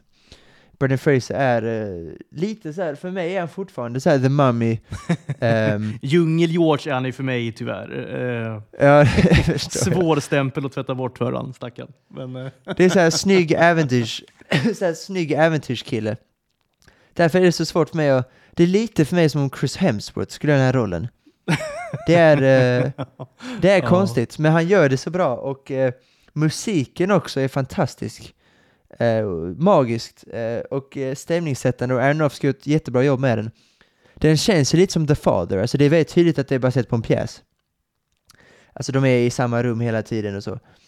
Men med regin och med Frasers insats så känns det ändå som en film, för kritiken gissar, jag har inte liksom läst på vad kritiken ska vara, det är ju inte jättekritiskt men den har, den har ju inte blivit nominerad till exempel till bästa film och så vidare, så att, med tanke på vilken hype den har fått. Så att, eh, och jag gissar att det är för att det känns för mycket som en pjäs och att det inte känns som en film och att det, filmen eh, lite för, eh, väger för mycket på eh, Frasers axlar. Men jag tycker att med hjälp av honom och musiken och regin så var det en väldigt bra cinematisk upplevelse. Också, återigen, man kände jättemycket för den karaktären och hans relation med sin dotter då som man vill återskapa. Eh, och som, det är en sympatisk karaktär som man eh, vill följa med genom hela filmen. Några liksom långsamma punkter, och det är när han, han inte är med tyvärr. Eh, så att det finns, kritik, det finns dåliga saker med i filmen, men höjdpunkterna är väldigt, väldigt är bra. ändå exakt. Ja, exakt. Ja. Så det är svårt att inte ha med den. Jag blev, man blev lite golvad av den, så att det kändes fel att inte ha med den. Ehm, och jag ska också säga att um, från och med The Whale uppåt så är det 9 av 10 som jag har gett. Eh, Northman och alla de här Puss in Boots har varit 8, 8,5 år. Så att från och med nu är det bara 9 av 10. Då är det ju med verkligen ett bra filmår, måste vi säga. Om vi är uppe på så höga betyg så, så tidigt i listan. Åtta, kanske mest, årets mest underskattade film och årets mest underskattade insats. Pearl, eh, som är då uppföljaren till X. Som är också en sån film som jag skulle kunna med på en honorable mention. Så här Texas Chainsaw Massacre feeling. Ja, Fick väldigt mycket snack i början på april. Just det. Eh, den de skulle göra porrfilmen där ute i eh, huset med de här, och sen skulle de här äldre, män, eh, äldre personerna ha sex och de skulle döda de här. Den fick ju väldigt mycket hype där i början. Sen kom en uppföljare så här fyra månader senare, Exakt. så jag kände oj shit. Exakt. fångade verkligen mitt intresse då. Och jag tyckte Pearl var bättre på alla punkter och då gillade jag X fortfarande. Men Mia Goths insats är faktiskt, för mig är det årets kvinnliga insats. Jag tyckte hon skulle vinna Mhm. Oscar för bästa kvinnliga huvudroll. Men hon har inte ens blivit De är inte nominerad. ens, nej. Ehm, Precis. Nej. Och eh, Pearl har inte fått någon nominering vad jag vet. Så att, Nej. eh, nej årets, för mig, årets mest underskattade film och årets bästa skräckfilm då, har jag märkt. Eh, alltså, det är en thriller, skräckfilm på högsta nivå, och det är mycket tack vare henne och fotot, musiken, som är lika bra som X. Det är en eh, väldigt otäck film att se. Eh, och det är jättebra filmskapande, hon är fantastisk, musiken är bra. Jag tycker alla ska se Pearl, för den är absolut den som flest har missat. Ja, det eh, dock svårt att få tag på, säkert. Ja. Eh, jag tycker man ska se både X och Pearl, för det kommer sen en film som heter Maxine, som är den tredje filmen då i det här universumet, Precis. eh, som kommer i år tror jag. Ja, det är, väl en, är det en trilogi, va? Är det confirm, eller? Ja, det ska bli det, det ska bli det. Ja, Maxine ska komma i år. Just det. Så att, ja men jag blev, jag blev golvad av den här Pearl, jag blev inte golvad av X, mest jag tyckte var bra, kändes lite som Texas Chainsaw Massacre, men Pearl blev jag faktiskt golvad av. Mest på grund av Mia Goth då, som är en framtida stjärna. Hon har gjort mycket nu på sistone, så här Emma och eh, hon är med i den här Infinity Pool med Alexander Skarsgård och så, så att hon har gjort lite här på slutet, men eh, hon kommer bli en eh, superstjärna. Eh, 100%. Då går vi till nummer sju, och den här vet jag att du har sett, för vi har pratat om den innan. The Batman. Ja. Ehm, det är den mörka, alltså vi har snackat om det innan så jag ska fatta mig kort. Eh, det är den här mörka Batman, så här Fincher, Seven, Verkligen. Eska Exakt. Batman-filmer ja, vi har väldigt sett när Sev- han- Seven-aktig på något vis. Det har du faktiskt rätt i alltså. Tydlig. när han teamar upp med Ja. Gordon, när han teamar upp med Gordon tydligt och det är ett murder mystery. Ehm, fotot, alltså det här eh, Matt Reeves mörka är verkligen ganska nytt, även om Tim Burtons mörka är en annan grej. Det är ju mer så här uh, gotmörker. Så det, det var liksom ett fräschare mörker, eller ett nyare mörker här med den här filmen. Ja, det är så lite, ett, eh, det känns, alltså lite ofarligt mörker kanske, lite grann nästan. Alltså så här, Ja. ja. ja, det är en annan form av mörker som inte är lika skrämmande kanske, som ändå han får till här i The Batman. Film- Alltså. Eh, Den saknar Danny DeVito som The Penguin, men eh, den har andra läskiga det har saker. andra, exakt, fördelar. ja. ja. Och eh, jag älskar eh, både Colin Farrell och Paul Dano och att se både Pingvinen och eh, The Riddler som bovar är också super, var superkul att se. Några tycker att Paul Dano gick lite eh, över överspel. Jag tycker faktiskt inte att han gjorde det. Det är en liten unpopular opinion jag har för att mm, mer och mer verkar tycka att han, när han ska börja sjunga Ave Maria, det tycker jag bara är bra. Jag tycker det är stämningshöjande. Jag förstår att folk tycker det är jobbigt, men jag tycker faktiskt han eh, var jättebra som eh, gåtan. som Jag tycker han var jättebra också. Jag tycker han var jätte, jättebra faktiskt. Ja, mycket bra. Eh, så att, det, min enda kritik är egentligen att ehm, eh, jag köper inte riktigt hans Bruce Wayne ännu. Eh, men jag vill vänta och se. Part 2 ska börja spelas in nu i november. Och jag vill låta, jag vill, jag vill, jag vill vänta och se tills hur, hur de gör med Bruce Wayne. För att jag, för att jag vill se den här Playboy-killen. För det ska, det ska han vara. Eh, så att eh, jag vill vänta och se så att det, det kan bli så här intressant character development. Vi får se vad som händer. För det har man inte Men än sett. så länge är jag inte har- riktigt såld. Nej, och det, man har ju har inte man sett, sett alltså den klassiska Bruce Wayne har man inte sett än. Man, man vet liksom inte riktigt vad man har sett för någonting. Vilken Bruce Wayne man har sett. På något vis. Ehm, så det blir, jag hoppas de liksom gräver mer i det nu, nästa film. Hoppas jag Ja. verkligen. Och det, jag, jag vill se lite mer så här kvinnotjusare och så här playboy, eh, den här charmiga killen. Eh, och det tror jag att vi kommer göra också. Men eh, för mig krävs det lite, men, men det är fortfarande ett frågetecken. Jag har inte bestämt mig för att vara negativ till det, för vi, jag tror att de har en plan för det också. Förmodligen. Så att, ehm, det tror jag också. Så att, eh, ja men eh, jättebra, och framförallt ett år där Marvel hade jättetufft 2022 så var det jättekul att se en comic book-film som var jättebra. Så att, eh, ser jättemycket fram emot tvåan och eh, Penguin-serien som de har börjat spela in nu i februari Just det. ehm, på HBO Max. Så att, eh, ja men jättekul. Sexa då, The Fablemans, Mm. Spielbergs eh, Mm. nya film som handlar om sig själv. Eh, alltså han är en mästare verkligen på det här med filmskaperi. Och sådana här draman, ser, alltså, det är väldigt mycket Batman, det är väldigt mycket sådana typer av filmer. Därför är det fräscht när man ser en Spielberg som gör drama som är så här lättillgängligt. Det är liksom inget Exakt. polskt, det är inget polskt feministiskt drama, utan det är en, ett drama som vi vill se, som Steven Spielberg gjort. Och det är, det är väldigt bra, eh, bara. Det är inte så, jag har inte så mycket mer att säga egentligen. Jag tror att den här har kanske störst chans att vinna eh, Best Picture. Och det här är en av fem filmer som jag har tagit ut i min topp 10-lista som är faktiskt nominerade till Best Picture. Så jag satte fem av tio. Så att jag hade 50% rätt med det är ändå bra. 50% rätt. Det är ändå bra. Men jag håller med, jag håller med 50% Oscarsgalan helt enkelt.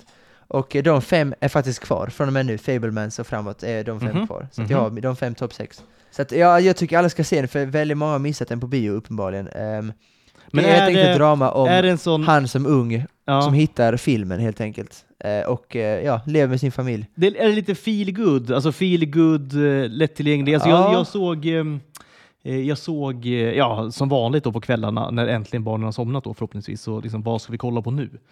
Och då hittade jag fram till eh, Erin Brockovich på Netflix. Eh, är ju en, en superfilm tycker jag. Är det liksom den typen av liksom easy going, feel good, liksom? Alltså han har inte haft det superlätt, men det, eh, det, är- alltså, det är lite familjedrama och sånt. Eh, men det är, det är ändå en feelgood film, ska jag ändå säga. Eh, men det finns, det finns mörka historier i, den, eh, i hans liv. Men, det det är är, något- absolut en, ett feelgood, men det är inte Ja. Erin Brockovich på den riktigt den nivån. Ja. Den är också ganska lång. Så det är mer mastodontdrama som Spielberg har gjort här. Det är, så mycket, det, är inte så, det är inte så mycket mer att säga än att det handlar om hans liv som ung när han hittar filmen, växer upp som jude eh, i en så här, lite semikomplicerad familj. Ehm, men det är just filmskapandet som är det briljanta i honom. Jag tror att om en vanlig regissör hade tagit sig hand om denna så hade det inte blivit så bra. Men det är Spielbergs personliga touch på det som gör den väldigt speciell. Och eh, mer, återigen, sådana här filmer, vi behöver sådana här filmer så att eh, den går fortfarande på bio, så ut och stötta den, för den håller på just nu att breaka sin budget, vilket såklart inget jättebra resultat ändå, men åtminstone så har den symboliskt lyckats med Ja, men det är, ändå, det är ändå Eh, viktigt att han gör det, känner jag. Alltså det är Ja, vilka det filmer gör det nu för tiden. Är det. Det är det, verkligen. Verkligen. Framförallt sådana typer av filmer. Ja. Nummer fem då, som vi också har pratat om, som du har sett, All Quiet on the Western Front. Mm. Ehm, årets, bästa krig, årets bästa krigsfilm. Ja, det måste det Eh, vara. vi, vi pratade om den förra gången, så jag ska också hålla mig kortfattad, men vi sa det här att sättet som USA, jag har inget emot amerikanska krigsfilmer, jag tycker väldigt många är bra, men det finns det där i bakgrunden, det här glorifierandet av kriget, att det är coolt, alltså veteraner är, veteraner är USAs eh, nummer ett, och så vidare. Och att USA är liksom störst, bäst och vackrast alltid. är alltid också ett... Medan här handlar det bara om unga tyskar som vill slåss för Tyskland, vilket såklart är rimligt, men de märker sen direkt när de har kommit in, när de är på fronten där, att det inte alls är kul. Nej men Eh, de blir ju, de blir ju grundlurade liksom egentligen. Det, Det blir de det verkligen. piskas upp en så nationalistisk stämning som liksom är omöjlig att värja sig från liksom, för de här unga, unga pojkarna. Liksom. Och sen så ja, dör de eh, hemska dödar helt enkelt. Och det är, det, det är ju tyvärr det som kriget är. Liksom. superrealistiskt eh, skildrad, eh, likable karaktärer, eh, ganska bra paceat, lite långsam möjligtvis, Eh, men så här, en jättebra krigsfilm. Och det har vi saknat lite, jag försöker tänka på, i och för sig 1917 är inte så gammal, men eh, det var ändå ett par år sedan vi såg en riktigt bra krigsfilm, så att, eh, ja men kul, jättekul. Och också kul att det kom en icke eh, amerikansk film på den här listan. Så det är kul. Um, Topp 4 då. Everything Ever All At Once. Mm. Den kanske, kanske största utropstecknet, eh, även de här bröderna då, Daniel Kwan och Diana Scheinert, gjorde den här filmen Swiss Army Man med Danny Radcliffe och Paul Dano som blev väldigt hyllad för ganska många år sedan nu. Det är en jättekonstig blandning av typ Matrix, eh, Hidden, eh, Crouching Dragon, Hidden. Fan, oj. Crouching Tiger, Hidden Dragon. Exakt, Ja. eh, det är coviden här som spökar. Um, alltså, innehåller jättemycket bra action, alla Matrix typ. Jättemycket bra drama. Eh, alltså handlar om att passa in som immigrant, kinesisk immigrant i USA. Alltså det är en skitkonstig film. Men utförandet är så bra. Eh, alltså med action och drama, med musiken, med klippningen. Alltså det är superoriginellt och superunderhållande. Men det är också ganska djupt. Alltså det är en, nästan en perfekt film. Eh, och den är så annorlunda och så originell så att jag uppmanar verkligen alla till att se den. Även om jag tror att många inte kommer tycka om den för den är så konstig.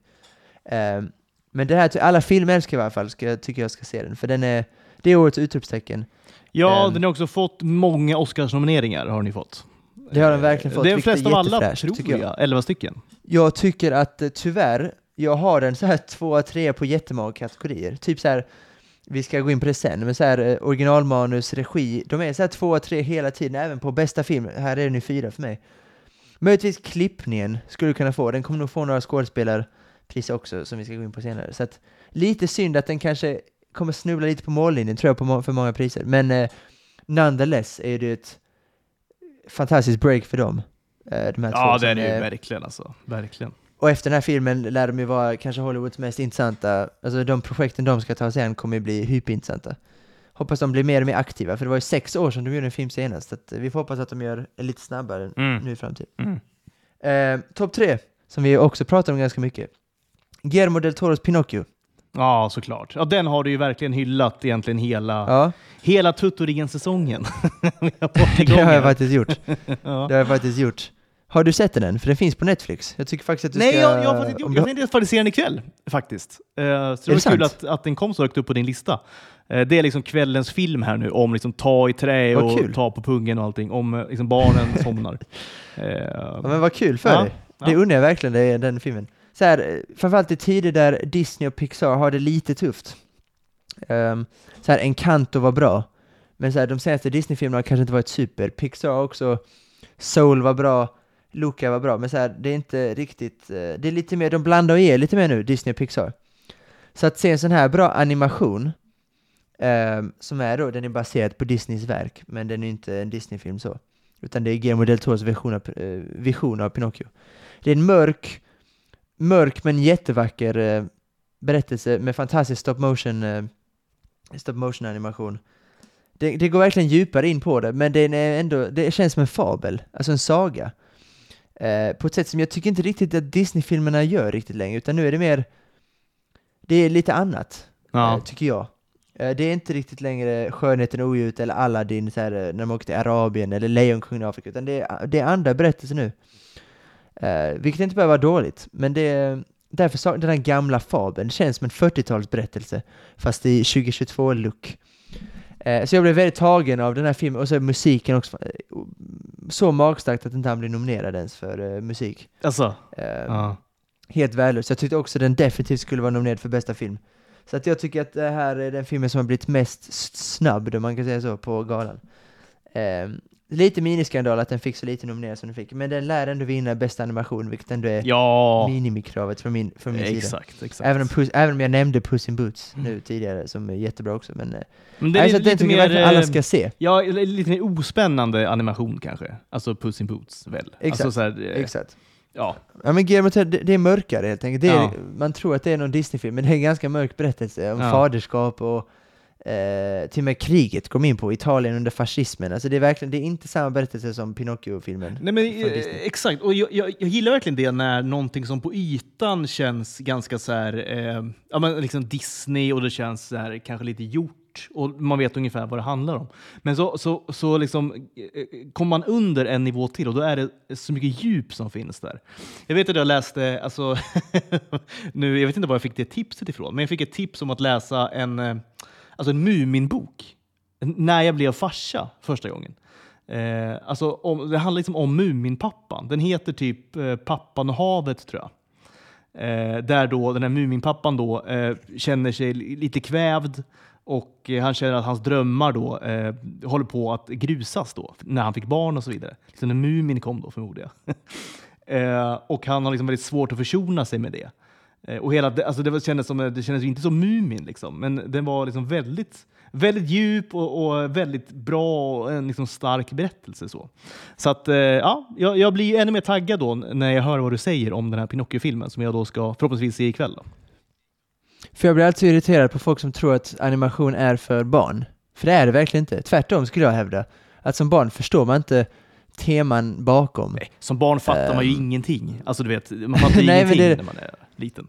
Nej men barn ska ju kolla på typ... Eh, ja, men vad, alltså så här typ... Eh, vad heter de? Eh, typ så här Dora. Dora the Explorer. Det finns teman där också. Ja. Men det är mer tydligt för barn. Greta Alltså, Disney Gris, alltså så här, eh, perfekt. Ja, är typ så. Det ska barn kolla på. Um, dock tyvärr, när man är 11-12, då kanske man ska börja exponeras för typ sådana. Men då tycker man att man är för cool för det också. Då vill man, då vill man typ kolla på Pulp Fiction och sånt. Det gjorde jag i alla fall när jag var 11-12. Ja, ja, exakt. Eh, Jo, jo. så att, så att eh, jag, jag tycker också det är, det är fel när vuxna tror att, men jag kan jag, för jag, kollade, jag kollade på Skönheten och odjuret för, inte, för ett par dagar sedan. Alltså det är, det är, en, det är film för vuxna skulle jag säga. Ja. Sen gör man det för barn lite mer med så estetiska och prinsessor och sådana grejer. Ehm, så det, det epitetet måste vi förstöra. Bara för att det är tecknat så betyder det inte att det är för barn. Tvärtom skulle jag säga, att det är mer för vuxna. Eh, så det måste vi döda. Det är ingen barnfilm, Pinocchio, utan tvärtom. Det är, det är en mörk film och det är en av årets bästa. Så att, eh, men nu har vi två kvar. En av dem skulle jag säga att ganska given för mig. Den ena var kanske årets största överraskning för mig. Ehm, och det är nummer två på listan, Top Gun Maverick. Oh, den blev då Eh. två alltså! Det blir jag glad Ja. över alltså. Verkligen. Ja. Och när du pratar om fräscha nomineringar så gissar jag att Top Gun var högt upp på din lista. Gud att, ja. eh, ja. På Oscarsnomineringen tänkte es- du? Ja, exakt. Ja, det var ju Eh, och det är det såklart. svinkul faktiskt att den blev nominerad till bästa film. Ja, Eh, och superkul. bästa eh, manus, bästa adapterade Bäst- manus också. Så Exakt, fick exakt. ganska mycket. Exakt. Så att... eh, Det var, det, det var nog inte långt från att Tom Cruise blev nominerad heller för bästa huvudroll. nej, var det skulle han väl nästan kunna... Det var ett tufft år. Ja, faktiskt. Det hade han absolut kunnat bli. Ja, varför Det var inte? ett tufft år såklart, Egentligen. men eh, han var, många tror att han skulle bli det. I varje fall, alltså, det är lite en sån film som inte riktigt görs längre. Så här, actionfilm som inte tar sig för på stort allvar. Så här, eh, bara en riktigt härlig sommar popcornfilm. Ja, men det är så Som här... dessutom inte, så- den är liksom inte, den är inte, den är inte cheesy som så här Michael Bay-filmer, så här The Rock typ.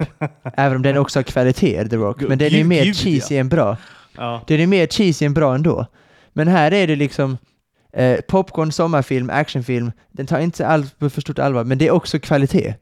Alltså ljudet har jag nämnt, det är skitbra. Musiken, skådespelarinsatserna och där eh, ändå djupa som finns mellan då Iceman och Top Gun. Det finns element bakom och han mm, alltså åld, åldras. Alltså det är verkligen, det var när jag, och det speciella med den också är att första gången jag såg den kände jag, ja, den var ju bättre än ettan på alla sätt. Men ju mer jag tänkte på den desto mer kände jag, wow, sådana filmer ser man inte riktigt idag. Nej. Och hur bra den faktiskt var. Sen såg jag den en gång till och kände, ja shit, det här är nog en av årets bästa filmer. Alltså shit vilket mästerverk. Ändå kul Eh. alltså. Och det, är- ja, Ja.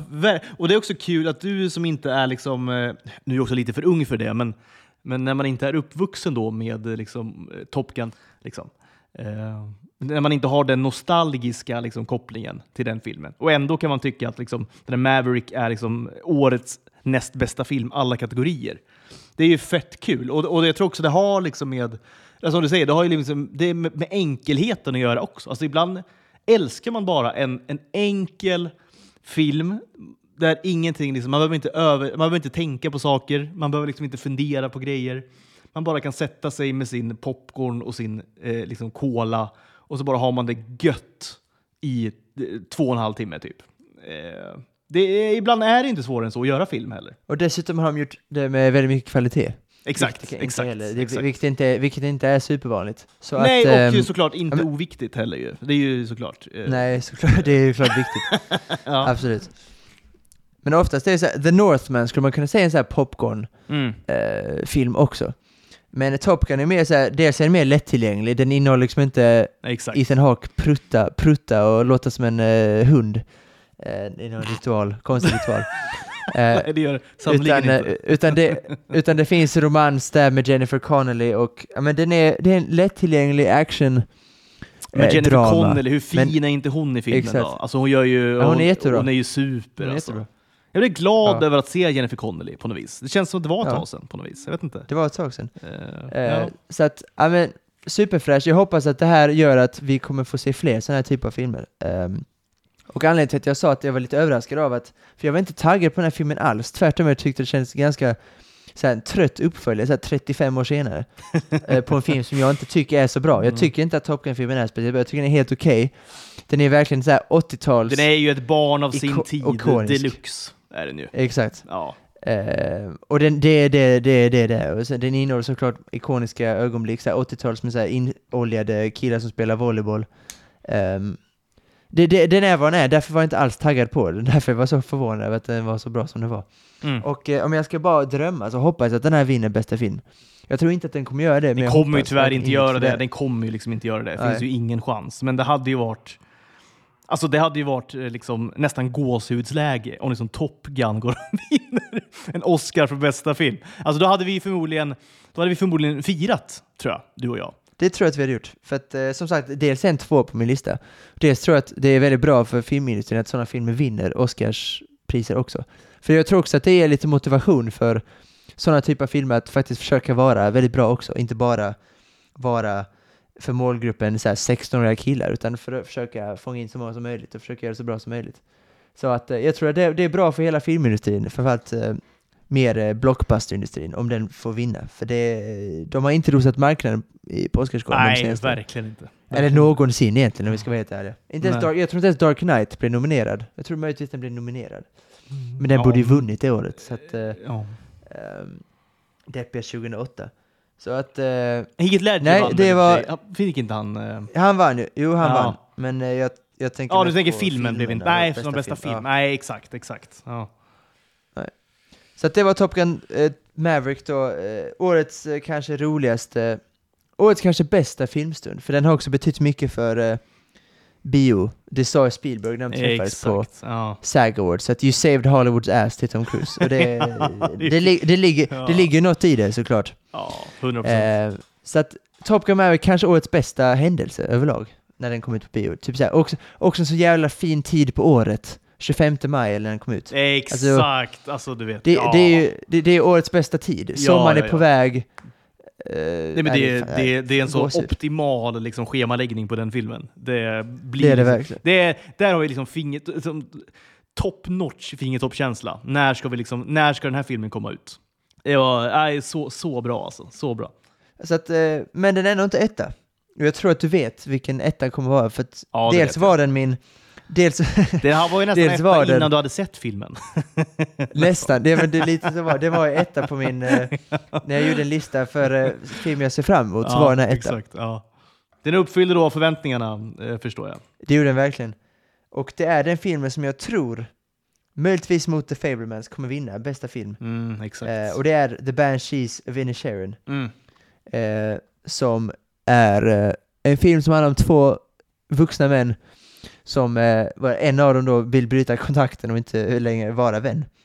På en irländsk ö under irländska inbördeskriget. På en liten ö där alla känner alla, så det är väldigt svårt att undvika varandra.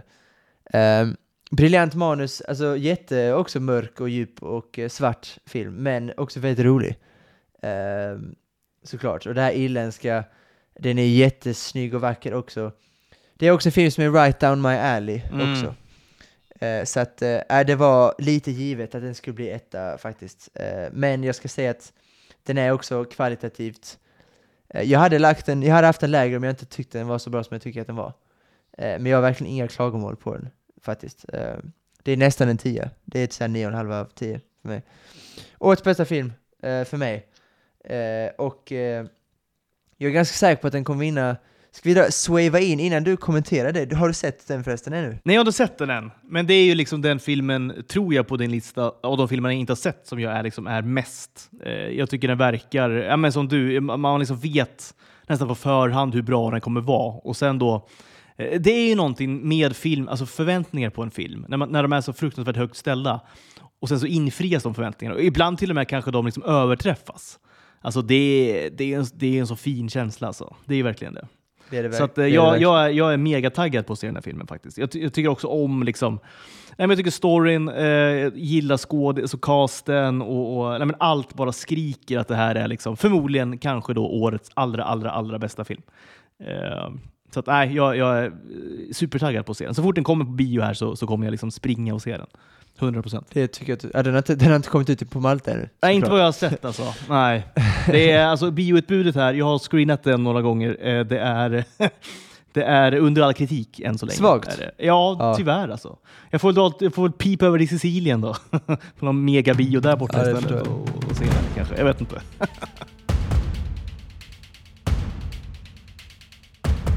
Äh, ska vi, ska vi swava in då på Oscarsgalan då helt enkelt och eh, diskutera några priser då som vi som vi kanske tror och, och, och sen i vissa fall vilka vi hoppas. Vi har ju nästan egentligen pratat om kanske liksom bästa filmkategorin.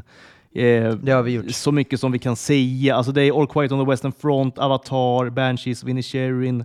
Det är Elvis, Everything Everywhere at, All at Once, eh, The Fablemans, Tar, Top Gun, Triangle of Sadness och eh, Women Talking.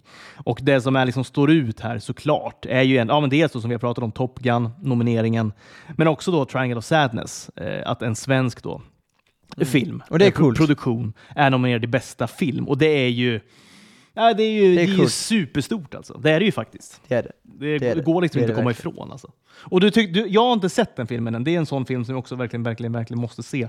Men du tyckte ändå den var ganska, ganska bra ändå? Liksom. Ja, det tyckte jag. Jag sa det, alltså, den, jag nämnde den med Glass Onion där, filmer som skulle kunna varit på min honorable mentions, men här, typ ungefär 20, plats 20 på min lista, så det är liksom ändå, det är ändå ganska bra. Det är absolut min favorit Östlund-film, så att eh, det, är- det, är- det är jättekul för svensk film också, att, eh, också att han blir nominerad både i bästa regi och bästa manus. Exakt, det, vi kan det, nästan slida över till dem. Det är faktiskt helt otroligt. Alltså, han är nominerad i liksom bästa regi-kategorin. är också eh, megastort. Tillsammans med Todd Field för Tar, Steven Spielberg då för The Fablemans, Daniel Kwan och Daniel Schneinert för, för Everything Everywhere All at Once och eh, Martin McDonough, Banshees of Inisherin. Eh, så att han kommer ju han kommer såklart inte vinna den kategorin, men att ens nämnas då i det här sammanhanget, eh, ja, det, Det går inte över, eh, liksom, det går inte att eh, överskatta liksom, faktiskt, för en, en, en, sven, en svensk filmskapare. Nej, det kan vi inte. Där, I den kategorin tr- tror jag att Spielberg har det ganska bra där. Jag tror han kommer vinna den. Jag tror att de enda som kan utmana där är McDonough och möjligtvis Daniel Scheinert och Daniel Kwan. Eh, men jag tror att Spielberg har det, är favorit i den kategorin och jag tror också att han kommer vinna och jag hoppas också att han vinner, så där är jag ganska enad. Bästa film, jag tror att eh, det är Banshees och Fablemans, men jag tror att både Top Gun och Everything Over All At Once är precis bakom där. Den Vad jag här, hoppas, eh, jag hoppas ju på Banshees. Exakt, den här Women Talking Eh. jag har jag inte hört talas om. Den har ju såklart ingen chans. har den inte. Nej, jag har sett den också, den är ganska bra, men nej, den har inte någon chans. Så det har inte Triangle, alltså jag tror att det är bara de nej, det har den inte. Ja, ja, nej, men så är det ju. Verkligen. verkligen. Det är bara de fyra jag sa. Sen möjligtvis, man skulle väl kunna argumentera för att Tar och eh, All Quiet on the Western Front skulle kunna, men nej jag tror inte det. Men Utan det de Tar, har, att, har du sett Tar? Ja, Var den med på någon honorable mention eller? Var, hur, liksom, hur var den filmen? äh, precis, precis utanför, men också Ja. jättebra. Ja. Eller jättebra, men bra. En sjua? Eh, Kate Blanchett, nej men åtta tror jag ändå jag gav den faktiskt. Eh, så det, det är bra. Ehm, den har ju väldigt många andra hyllat framförallt, det är därför jag kanske tror att den har någon liten chans. Men nej, jag tror att Fablemans ändå ligger bra till, också på grund av Spielbergs historia. och att Banshees kanske är lite för konstig för att vinna eh, priset. Å andra sidan vann Shape of Water 2017, så att jag vet inte det. Men jag tror att Fablemans ligger bra till, men Top Gun är Dark Horse, verkligen. Ja, det är det man det är hoppas kanske mest på intressanta då. Ja, det är det man hoppas på, Det verkligen. Eh, bästa originalmanus också, McDonough tycker jag är ganska given där. Återigen Daniels, eh, då kanske kan utmana. Också väldigt fräscht manus såklart. Mm. För mig är McDonough rätt så överlägsen där. Sen huvudrollen, det här är nästan den mest intressanta kategorin. Med all respekt för Paul Mescal som ska spela i Gladiator 2 för Aftersun och Bill Nighy från Living. På tal om riktigt- filmer riktigt- man ser fram emot kanske, alltså Gladiator 2. Ja, ja, fy fan. Uff, Ja, det uff. Det är super. Eh, men det är nästa år. Paul Mescal, eh, som var mest känd från Normal People, som är en fantastisk eh, BBC-serie.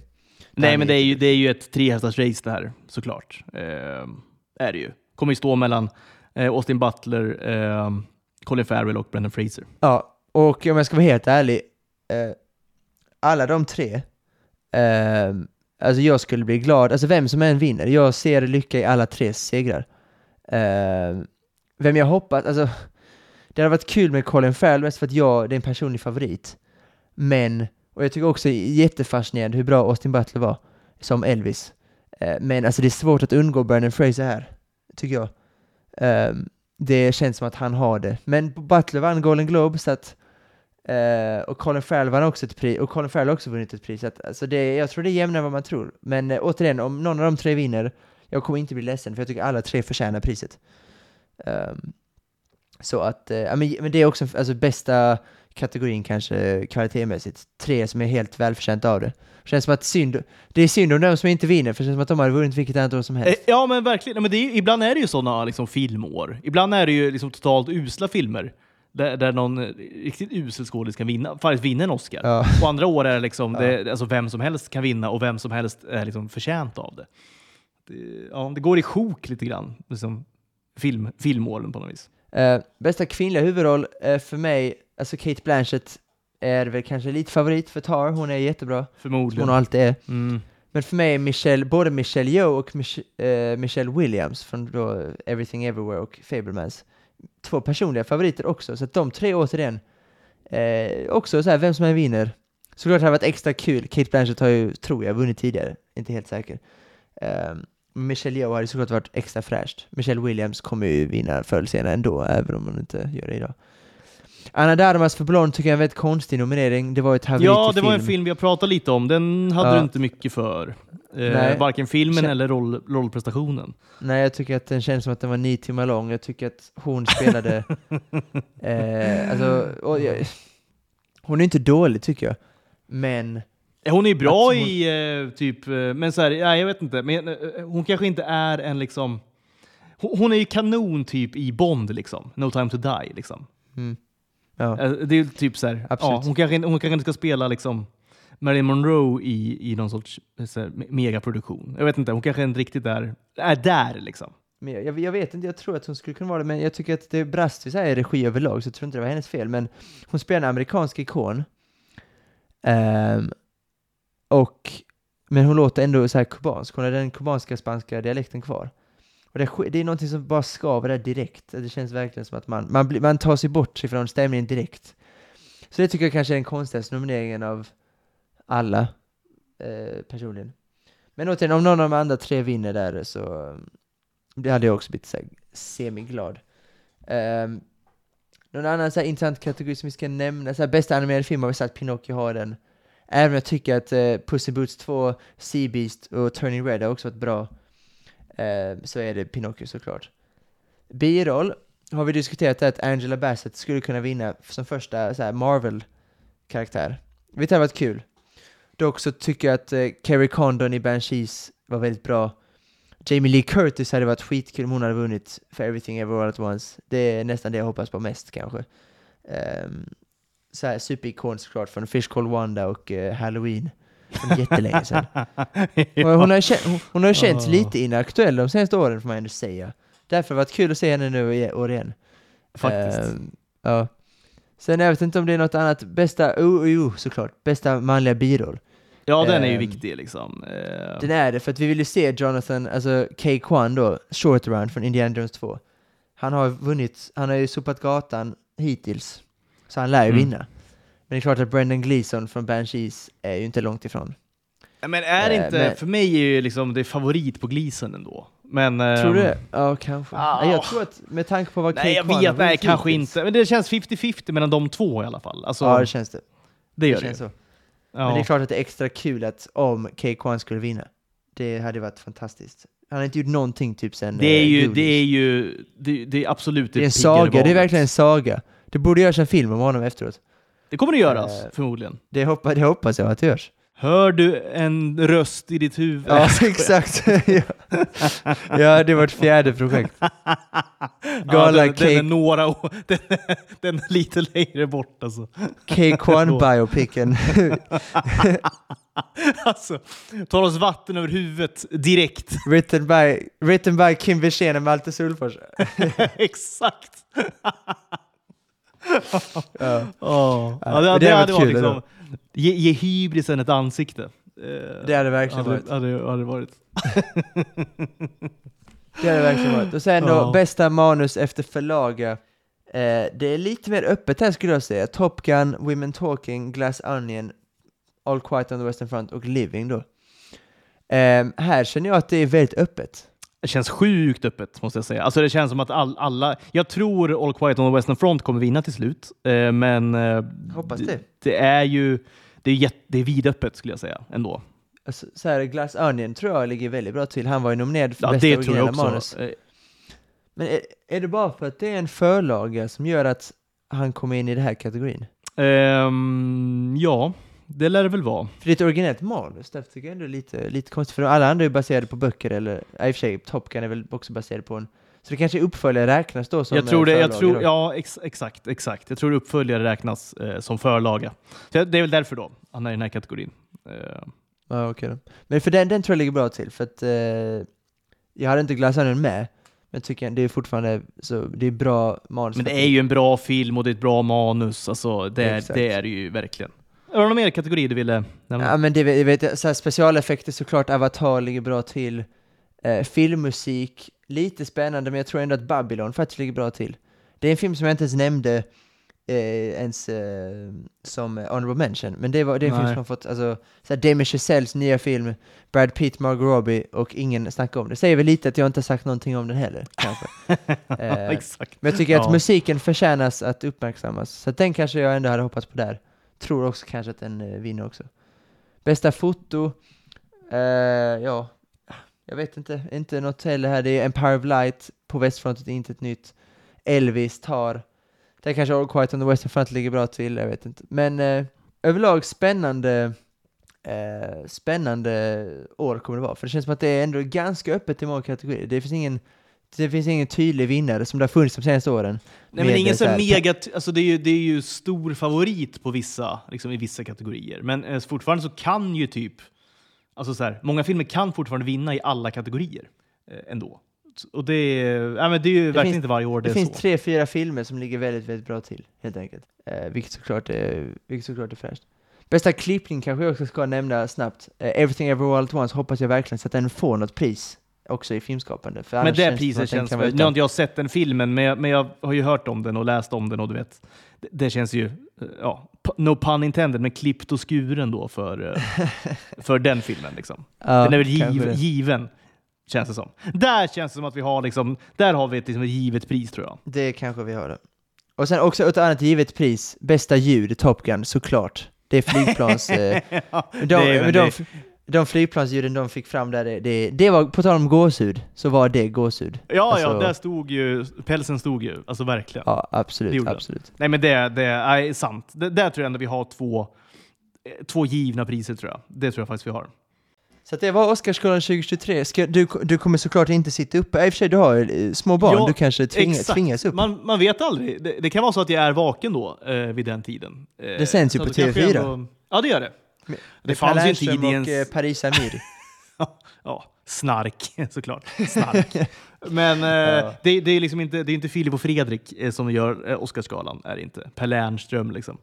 Men Jag eh, heller- nej. Men jag ska vara helt ärlig, tycker jag, jag, jag ser nästan hellre Per Lernström i den rollen. Filip och Fredrik, det känns som att de hatar allt. Jag, tycker, jag ger inte så mycket för deras Ja men de är ju, åsikter kring- ja, jag, ja, populärkultur. kan, ja men de är ju, de är ju, de är ju sådana cyniker såklart. Det, Exakt. det är väl det då. Men, men de har ju ändå en så genuin, jag vet inte. Fredrik Wikingsson De- i alla fall. Ja, Fredrik, det är ett genuint liksom, filmintresse och sådär. Alltså, kan ändå tycka grejer och liksom vara trovärdig i det.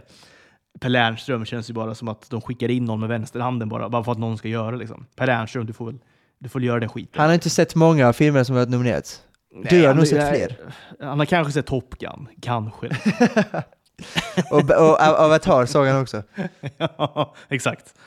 Exakt, med sitt barn typ eller någonting. Han har aldrig hört talas om Glass Onion. Nej, nej. Sharing eller kan, nej, inte ens- kan inte ens uttala titeln. Liksom. Nej, exakt. Eh. Bäva? Ban va? Bench, ben.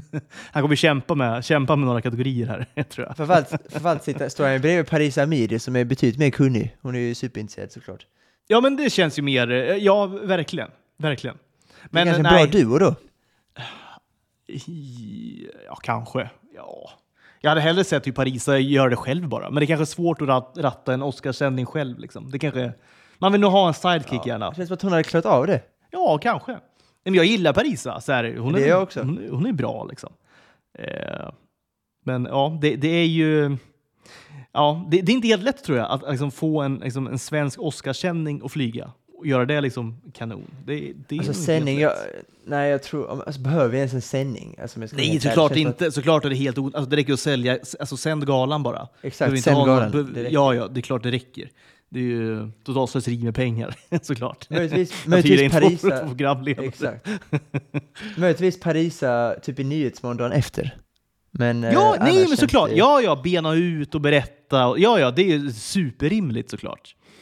Men under själva galan är det ju to- totalt onödigt såklart. Eh, och snacka upp och snacka ner är också helt onödigt. Alltså, alla som är intresserade och alla som kollar på den här galan, för det är så gudarna vet att det är nog inte många. Eh, men de de är kan, liksom om, man, helt, om man gör det så de är- kan man ju. Då skiter man i Per Lernströms åsikter. menar, de är helt införstådda med varenda kategori och varenda film. Och du vet så här. De behöver inte Per Lernström som ska liksom ta på sig någon, någon hatt Nej. och guida liksom, i Oscarsdjungeln. Det är, det är ju nästan... det Är, ja, nästan, är det hädelse kanske? Mot liksom film, filmskaparskrået lite grann. Ett hån. det, kan, det, kanske, är- det kanske är en skymf. Ja, en skymf. Ruben, Det, det är en skymf. Ruben, Östlund, Ruben Östlund hatar det, att han ska behöva ses med Per Lernström. att han- att exakt. han ska bli representerad. Ja, Jag tycker det är att- pinsamt. Ja, nej, men såklart. Nej, men det är ju... Det, nej, men det, det, det, är inte, det är inte bra helt enkelt. Är det inte. Nej, det säger kanske mer om Östlund i och för sig, men ändå eh, lite om båda kanske. Fast ja, nu är inte kanske Ruben Östlund min favoritperson. Men här köper jag hans ståndpunkt. När han stör sig otroligt mycket på att Per Lernström då ska, ska hålla i en Oscarssändning. Att Per Lernström ska ta liksom orden Triangle of Sadness i sin mun eh, hatar ju då Ruben Östlund med passion. Det gör han. Tycker han är Såg klipp, såg du klippet på när Per gjorde detta för ett par år sedan? När han skulle skrika på Brad Pitt, han bara Brad! Are you happy Brad? Hej Det är ju en människa, det, det är en människa som, eh, som saknar pondus. Så, så, alltså, överhuvudtaget har han ingen pondus. Alltså, det är Ja, såklart kanske. omöjligt för Per Lernström att få en, en intervju med typ Brad Pitt. Det finns ju inte på Ja. kartan. Liksom. Tycker dock att han är en ganska bra programledare, men eh, inte jättemycket pondus kanske. Han är, han är okej, men pondusmässigt är, är, där, där saknas, det saknas fruktansvärt mycket. Gör det. Det saknas. Man det behöver liksom inte så mycket pondus för att leda typ Idol och Kockarnas kamp. Nej, det, är, nej, det kan jag inte riktigt. Det krävs mer värme. Det, exakt, och värme har han ju, det får man ändå säga. Det har han. Eh, det, har har han. Ja. Vi får kanske gå in på någon så, äh, vi ska väl inte hålla på och ranka nu programledare kanske, men eh, vi, vi ska stänga ner helt enkelt. Det. Eh, jag laddar redan nu för nästa avsnitt. Då kommer vi alltså ta ner såklart. Vi kommer ta ner lite Oscars kan jag tänka mig. Vi gör det bara. snabbt. Vi kör lite korta Och om det, om, ja, men I alla fall om det är något som sticker ut som händer. Alltså så här. ja. Typ en ny släp. Ja, en ny släp eller typ eh, Top Gun vinner då bästa film till exempel. Då kommer vi såklart ägna en kvart åt det. Eh, kommer vi göra. I, I övrigt kommer vi prata om eh, dels då dokusåpa-idé som vi faktiskt har börjat arbeta på lite mer seriöst nu. Då. Eh, vi ska presentera eh, några, några idéer. Eh, kanske har vi också någonting på vår nya sitcom då, Sex singlar i Stockholm.